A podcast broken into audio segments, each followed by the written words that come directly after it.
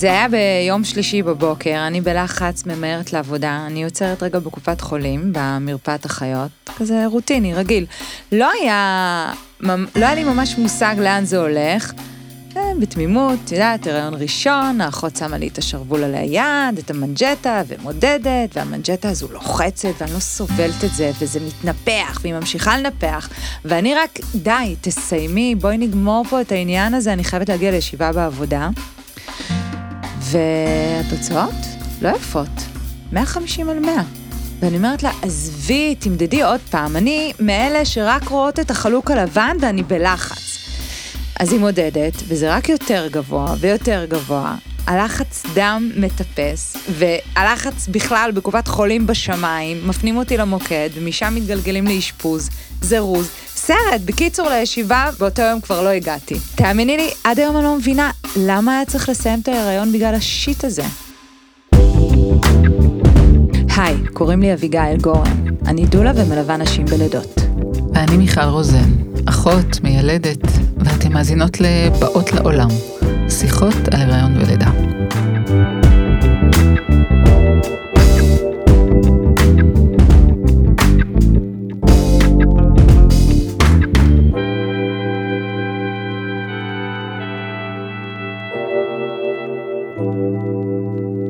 מה הלחץ עם הלחץ דם ומה מרעיל ברעלת הריון זאת שאלה שמעסיקה הרבה נשים. אביגיל, אני בכלל חושבת שיש לנו פה היום, וואלה, תעלומת מתח. ומדובר בכמה שחקנים מרכזיים שמטשטשים או מתעתעים בנו. אז אנחנו חייבות להבין מה קורה. יש לנו אימא הריונית, יש לנו עובר או עוברית, לפעמים יש בצקות, גירודים, חלבון בשתן, וכמובן, יש לנו שליה, שהיא החשודה המרכזית בסיפור הזה. עכשיו, כדי לפצח את, את התעלומה הזאתי, הזמנו לכאן את דוקטור מתן אלעמי סוזין, רופא עם התמחות בגניקולוגיה ואנדוקרינולוגיה, והתמחות מיוחדת בהריון בסיכון.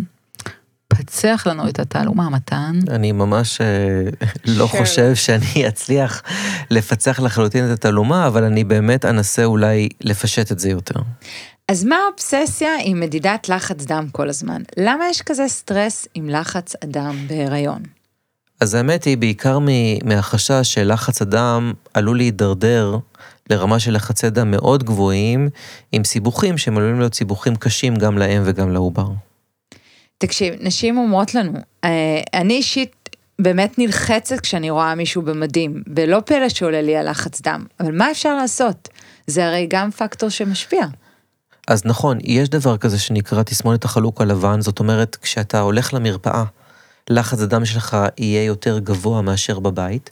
עכשיו, אם, אם חושדים במצב הזה, אני יכול לבקש מהיולדת לבצע פשוט מדידות לחץ דם בבית, או אפילו לחבר אותה למכשיר הולטר, כלומר שמודד לה במשך 24 שעות את לחץ הדם, ולקבל תמונה אמיתית של לחץ הדם שלה. ומה עם העצבניות? בעלי אומר שזה בגלל שאני עצבנית ולחוצה. יכול להיות שאם אני ארגע זה יעבור לי? כמובן שסטרס אה, מעלה לחץ דם, אבל במצב של לחץ דם הריוני, העלייה הזאת תהיה קבועה. ולכן בהגדרות אומרים שאם בעצם באופן עקבי לחצי הדם במדידות חוזרות, שיש לפחות 4 עד 6 שעות מרווח ביניהם, לחץ הדם הוא כל הזמן גבוה, ותכף נדבר על מה זה בדיוק גבוה, אז אנחנו מדברים על איזושהי מגמה בעייתית.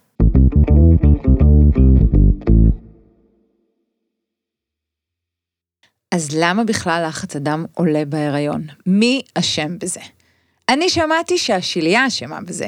מה עובר עליה? למה היא לא נותנת עבודה גם שם מקודם עם הסוכר? מה, מה קורה? האמת היא שבאמת רוב ההשערות מדברות אה, על זה שהשליה לא השתרשה מספיק טוב ברחם, אוקיי? אין, אה, אין מנגנון אחד שזו, אז זה ריבוי מנגנונים, ולכן אי אפשר לתת איזשהו פתרון יחיד, לצערנו. זה לא שיש תרופה שאפשר לתת, והנה זהו, היא פותרת את, ה, את הבעיה, אבל בגדול כן, מדובר בשליה שלא השתרשה מספיק טוב ברחם. אז במילים אחרות, עלייה של לחץ דם יכולה להיות מסר מהגוף, תקשיבו, השליה, יש לה איזשהו סוד לספר, היא השתרשה לא משהו, אולי כדאי לסיים פה את ההיריון. אה, זה זווית מאוד מעניינת לסיפור הזה. אני בכלל חושב שהיריון זה דבר מדהים, כן? בגלל זה אני במקצוע, אבל אני חושב שעוד דבר מדהים שאפשר לתאר אותו, זה שבעצם תאים, שהמקור שלהם זה מאותה ביצית מופרית, אוקיי? הם נקראים תאי טרופובלסט. התאים האלה בעצם פולשים לתוך העורקים של האימא, והם אמורים להפוך אותם מעורק, שזה משהו נוקשה ומכיל שריר, למעין תעלה רחבה שמשפרת ומאפשרת את זרימת הדם. מדהים. וההנחה היא שכשהפלישה הזאת היא לא מספיק טובה, אז העורקים נשארים נוקשים ואין מספיק זרימת דם טובה לשליה. זאת בעצם הבעיה. מדהים. אז אוקיי, אשמים מיידיים בעליית לחץ דם, יש לנו את האטרופובלסט, לא פלשו מספיק טוב לעורקים, יש לנו עורקים נוקשים. נכון, ואז למעשה אה, השליה לא מקבלת מספיק דם לצורך מתן חמצן וחומרי מזון ופינוי חומרי פסולת אה, אחרים. יש נשים שזה בכלל יופיע, עליית לחץ הדם, בשבוע 20, ויש כאלה בשבוע 35, לא ממש מתחילת ההיריון וההשתרשות הזו. את צודקת, ויש נשים שבכלל יש להן יתר לחץ דם לפני ההיריון, אוקיי? שזה לא קשור להיריון, אבל עלול להחמיר בהיריון. אז אנחנו מבינים שיש הבדל היום בין לחץ דם גבוה שמתחיל בשלבים מוקדמים של ההיריון, לבין כזה שעולה רק לקראת מועד הלידה, וזאת לא אותה מחלה. וגם יש את מי שבאמת נמצאת בקבוצות סיכון, שזה, כמו שאמרת, לחץ דם גבוה לפני ההיריון, אה, לחץ דם אה, גבוה כרוני, או כזו שאובחנה לה סוכרת הריון. וגם יש את אלו שהם בקצוות של טווחי הגיל, הצעירות מאוד, או כאלה סביב גיל 40, או הריונות של תאומים. ויש נשים שיש להן נטייה תורשתית, או נרכשת לקרשיות יתר, או נשים שהייתה להן רעלת הריון בעבר, או מחלות כליות כרוניות. טוב, טוב, אתה מלחיץ, זה מעלה לי את לחץ הדם, תרגיע בבקשה.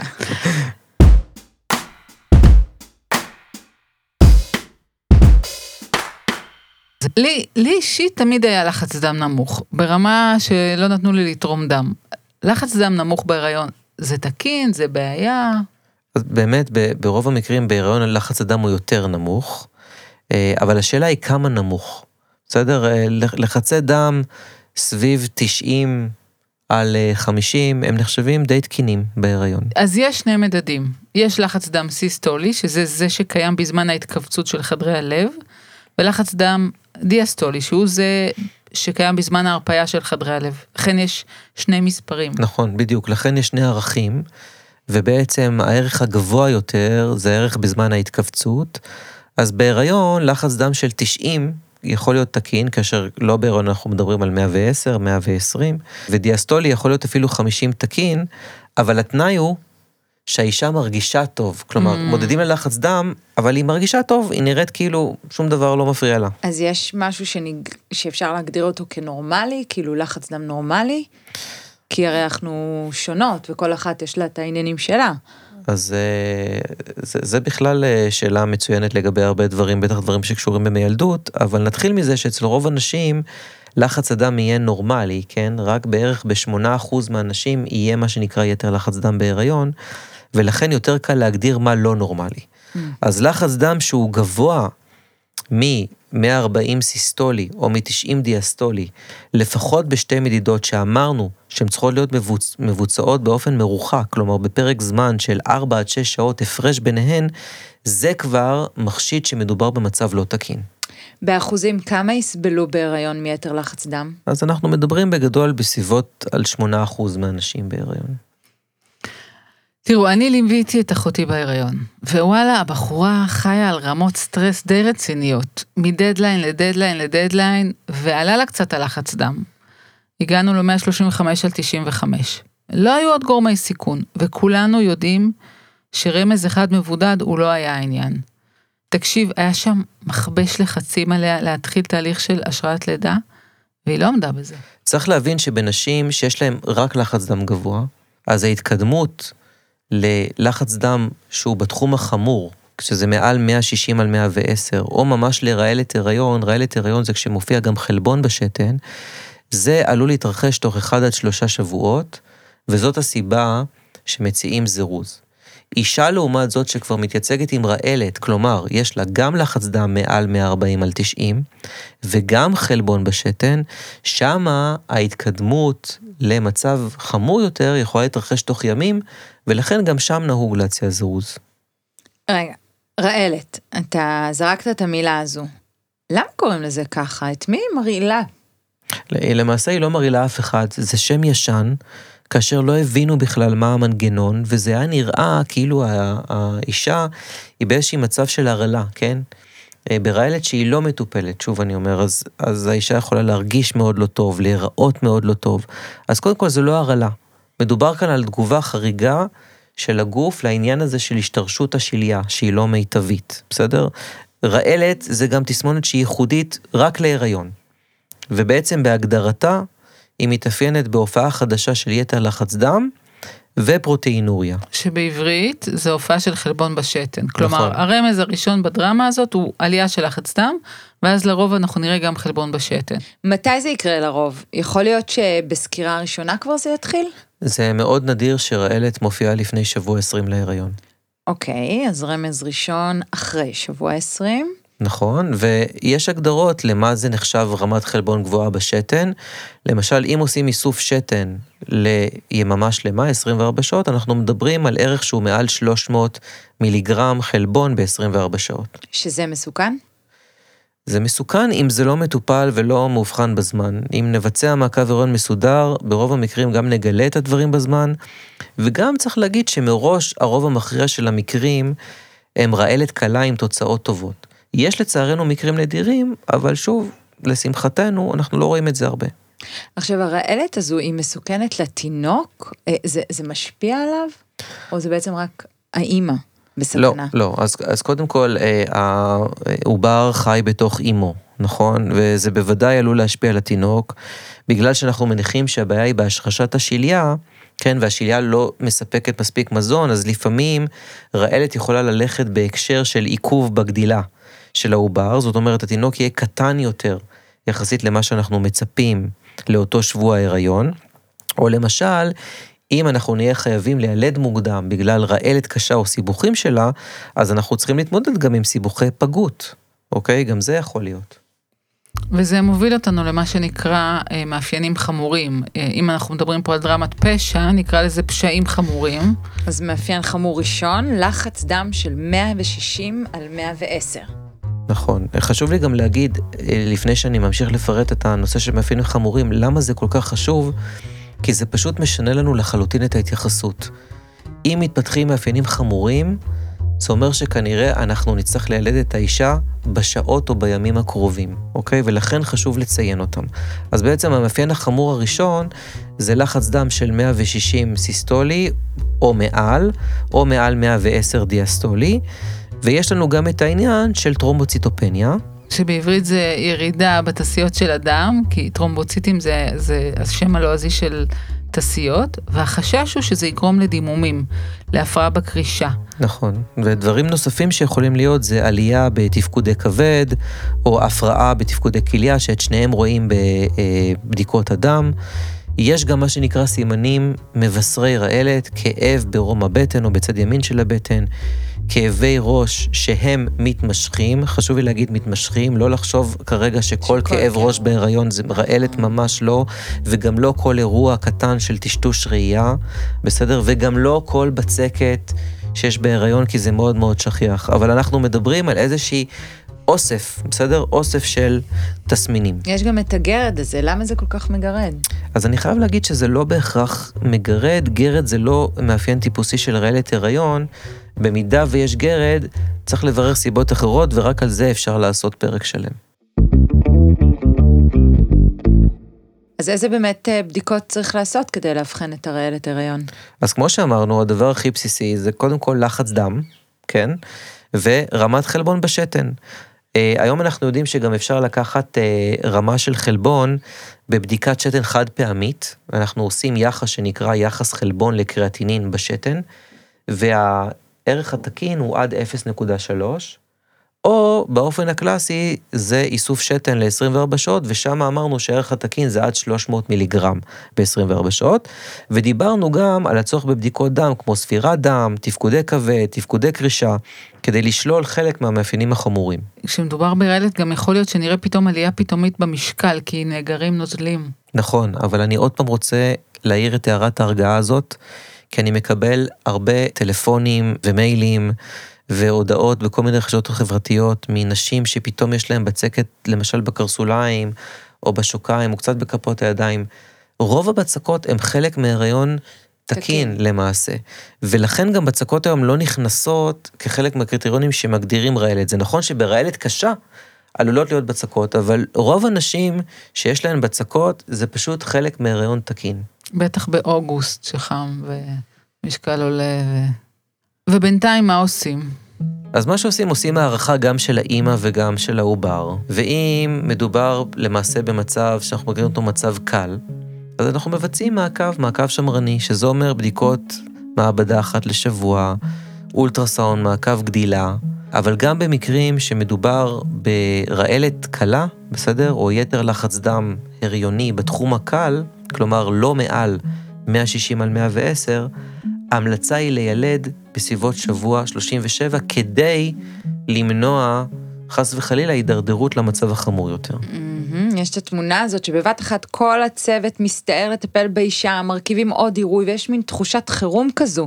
כי מה, מה בעצם הם חוששים? מה הסיבוך שעומד כמו איזה תמרור אדום? כל מי שעובד בחדר אה, לידה נתקל במצב של רעלת חמורה. אבל צריך לשים את הדברים בפרופורציות. למשל בבית החולים שלי בירושלים, שיש בו נגיד 8,000-8,500 לידות בשנה, יש לך מצב של רעלת חמורה אולי פעם או פעמיים בחודש. זאת אומרת, תקחי מספרים של 20 יולדות מתוך 8,000, בסדר? רעלת שהיא ממש ממש חמורה, כמו שאת מתארת, בסדר? המצבים האלה, היא יכולה להתפתח תסמונת שנתנו לה את השם HELP, שזה בעצם ראשי תיבות של מה שאנחנו רואים בבדיקות הדם. אנחנו רואים המוליזה, שזה אומר תמס דם, יש שבירה של תאי דם אדומים שגורמת לאנמיה, כלומר לחסר דם. אנחנו רואים עלייה בתפקודי כבד, ואנחנו רואים את הירידה בתעשיות שדיברנו עליה. אז המצב הזה, שהוא מצב באמת חמור, אומר שאנחנו צריכים לטפל בצורה יותר אינטנסיבית וגם לילד יחסית מהר. כן, אז הסכנה היא להם, ולכן הצוות יגיב בצורה כל כך אינטנסיבית ו... הסיכון הוא משולב, הסיכון הוא גם להם וגם לעובר, אבל שוב פעם, רעלת חמורה היא מצב נדיר. כלומר, לשמחתנו ברוב המקרים מדובר במצב קל, אבל גם אישה עם רעלת חמורה, בסדר, ברוב המקרים התוצאות יהיו תוצאות טובות. אוקיי, okay, אז שמעתם? זה נדיר נדיר, אנחנו מקליטות את הפרק רק כדי להעלות את המודעות לנושא. נכון.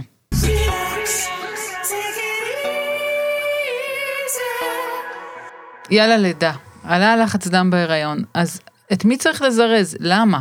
אז אמרנו שבמצב של רעלת קלה, הסיכון להידרדרות במצב הוא תוך שבוע עד שלושה שבועות, כלומר שלא להפוך לרעלת קשה, ולכן אנחנו נמליץ על זירוז כדי לנסות ולהימנע מהגעה לסיבוכים.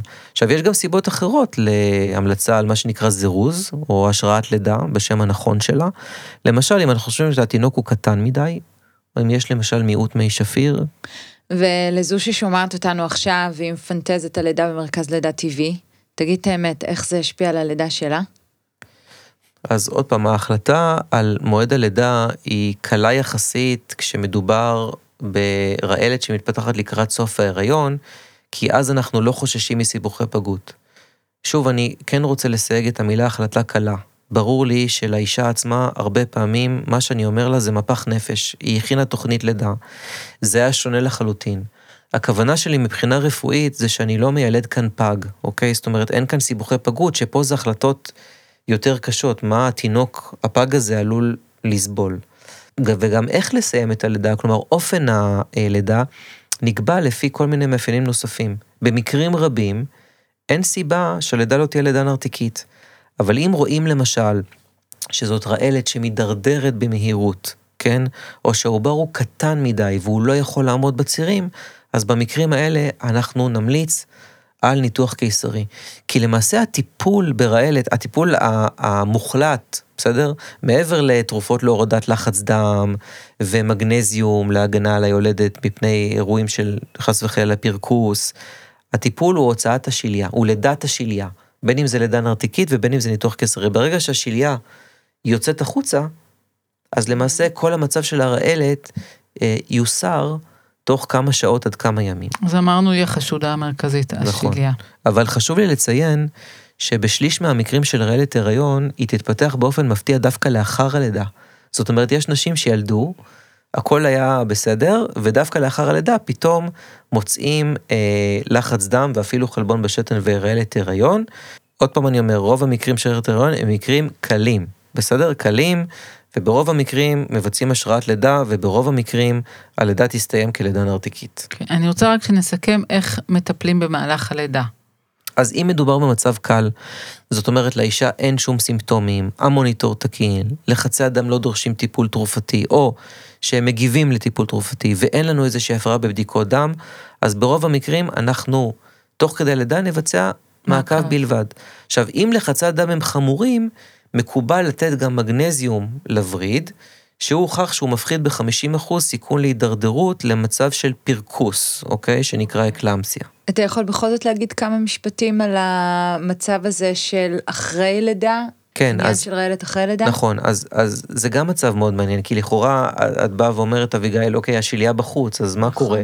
אז זה רק אומר שאנחנו, יש לנו הרבה אניגמה לגבי, לגבי רעלת, וזה מאוד מאוד מעניין, אבל ב-35% בערך הרעלת תתפתח עד יומיים לאחר הלידה, ואז הרבה פעמים אנחנו גם מקבלים את האישה, לפעמים מאשפזים אותה עם מגנזיום ל-24 שעות, ועוקבים, וברוב המקרים זה חולף כלא היה, תוך כמה ימים.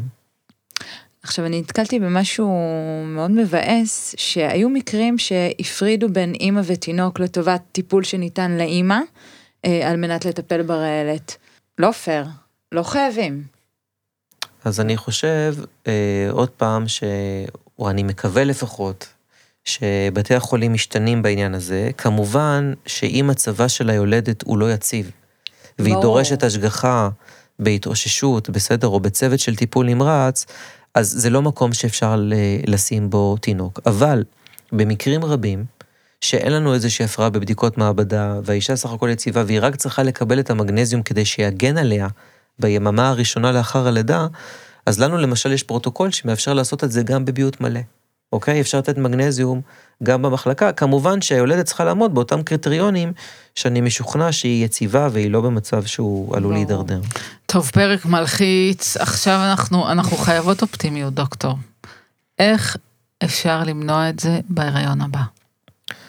אה, אז קודם כל צריך לומר שבחלק מהנשים, מתן של אספירין במינון נמוך, אוקיי? בין 75 ל-150 מיליגרם ביממה, נמצא שבחלק מהמחקרים הוא יכול להפחית סיכון לרעלת, אבל מדובר על אותה רעלת שהיא מתפתחת מוקדם, זאת אומרת רעלת שאנחנו יותר חוששים ממנה, ובמקרה הזה הכי יעיל להתחיל טיפול לפני שבוע 16. מעבר לזה, אין לנו הרבה גורמים שהוכחו כמונים רעלת, אבל חשוב לומר שבדרך כלל רעלת זאת מחלה יותר של הריון ראשון, ונדיר שהיא תחזור על עצמה בהריונות הבאים. אז למי בכל זאת ייתנו אספירין? לא לכל הנשים, אוקיי? אם, אם מגיעה אישה, מסתכלים עליה באופן ספציפי. אם יש לה היסטוריה של רעלת, אם יש לה סוכרת, אם יש לה לחץ דם גבוה כרוני, זאת אומרת, נשים עם מחלות רקע מסוימות, או נשים שאני חושב שהן בסיכון לרעלת, הם אלה שיכולות להרוויח מאספירין מניעתי. טוב, אז אני חושבת שמצאנו את האשמים. נראה לי גם הטרופובלסטים והשליה. אבל תזכרו שהשליה תהיה בחוץ, הכל יירגע. בדרך כלל. נכון.